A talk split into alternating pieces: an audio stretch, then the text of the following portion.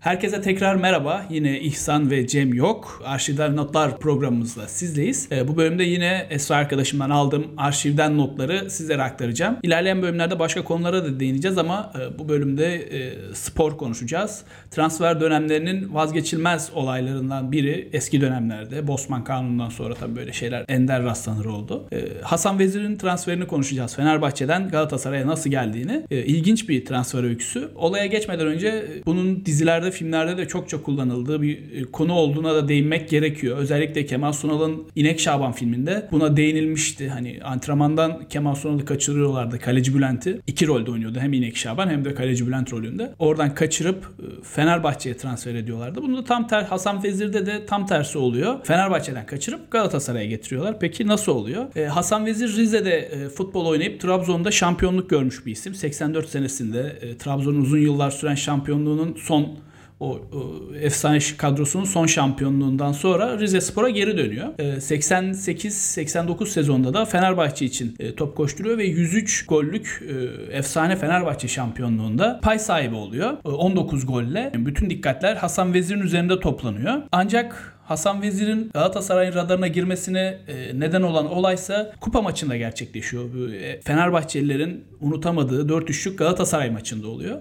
İlk devreye Galatasaray 3-0 önde giriyor ve e, anlatılanlara göre futbolcular bayağı bir Hani aldık biz bu maçı ikinci yarı hiçbir şey olmaz kafasıyla takıldıkları için ikinci yarı Hasan Vezir'in hat-trick yaparak kazandırdığı maçla 4-3 galip gelerek kupada Galatasaray'ı eliyor. Fenerbahçe. Haliyle Hasan Vezir de Galatasaray'ın radarına giriyor. O dönem 35 milyon TL alan Hasan Vezir'e Fenerbahçe 500 küsür milyon TL teklif ediyor ama Hasan'ın aklında 750 milyon TL almak var. Fenerbahçe de 650 milyona kadar çıkabileceğini söylüyor. Bu arada tabii Galatasaraylı yöneticiler de Hasan Vezir'le temasa geçiyorlar. 1 milyarlık bir teklif sunuyorlar. E bu teklif cebinde e gidiyor Fenerbahçe ile görüşmeye. Fenerbahçe 650'den fazla veremeyeceğini söyleyince transfer görüşmeleri tıkanıyor. O arada Galatasaray'ın e, yöneticilerinden Ergun Gürsoy ve Yurdaşan Karahasan devreye giriyor. Hasan'a diyorlar ki sen bizde bir gel. Hasan gezelim. Kardeşinin yanından alıyorlar. Diyorlar ki biz Hasan'ı eve bırakırız diyorlar. Hasan'ı alıp Bursa'ya Özhan Can Aydın'ın rahmetli başkanı Özhan Can Aydın'ın tekstil fabrikasına götürüyorlar. Adeta bir kaçırma olayı. Hani bu Kemal Sunal'da kaçırdıkları gibi öyle bir olay yaşanıyor. Bursa'ya götürüyorlar. 3 gün sonra da Fenerbahçe'nin Beşiktaş'ta kupa maçı var. Orada oynamak istiyor Hasan. Ergun Gürsoy diyor ki yok göndermeyiz. Orada gidersen transfer yatabilir. O yüzden seni gönderemeyiz diyorlar. Devam eden süreçte de Galatasaray'a imza attırıyorlar. Buradan sonra tabii Hasan Galatasaraylı oluyor. Galatasaray için oynamaya başlıyor. 89-90 sezonda Galatasaray'la birçok maça çıkıyor. İlk derbide Fenerbahçe derbisinde de olaya imza atıyor ve 90. dakikada Fener Galatasaray'a galibiyeti getiren golü atıyor. Haliyle Fenerbahçeli bir dönem Fenerbahçe için kahraman olarak görülen Hasan Vezir artık düşman, hain olarak görülmeye başlıyor.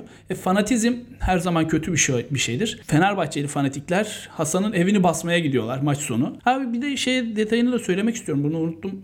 Bu araya sıkıştırayım. Hemen diyecek diyeceksiniz ki hani ne yaptı fanatikler? Orada bir reklam arası gibi olsun biraz. Hasan'ın düğünü Galatasaray Adası'nda yapılıyor ve Fenerbahçeli taraftarlar Hasan'ı rahatsız etmek için tekneler kiralayıp Galatasaray Adası'nın etrafında dönüp Fenerbahçe marşları ve Hasan'ın aleyhine e, marşlar söylüyorlar. Ayrıca Fenerbahçe davet ettiği Fenerbahçeli futbolcular da düğününe gelmiyor. Bu da böyle bir detay. Bunu da anlatmak istedim. Derbiden sonra yaşananlarsa biraz vahim. E, fanatik taraftarlar, ya taraftar da demek istemiyorum aslında fanatik holiganlar e, Hasan'ın evini basıyorlar. Ancak Hasan evde yok. Kapıcı Hasan'ın evde olmadığını söylüyor. Kapıcıyı bayağı bir dövüyorlar. İrfan Bey'di sanırım. İrfan Bey'i bayağı bir dövüyorlar. Sonra da adamı bıçaklıyorlar. Neyse ki adam ölmemiş. Yani çöp kutusuna atmışlar bir de adamı çöp konteynerine atmışlar. Adam ölmemiş neyse ki. E, ama böyle bir kötü bir olayla da anılmış oldu e, Hasan Vezir. Devam eden süreçte 2 yıl boyunca Galatasaray'da top oynuyor Hasan Vezir.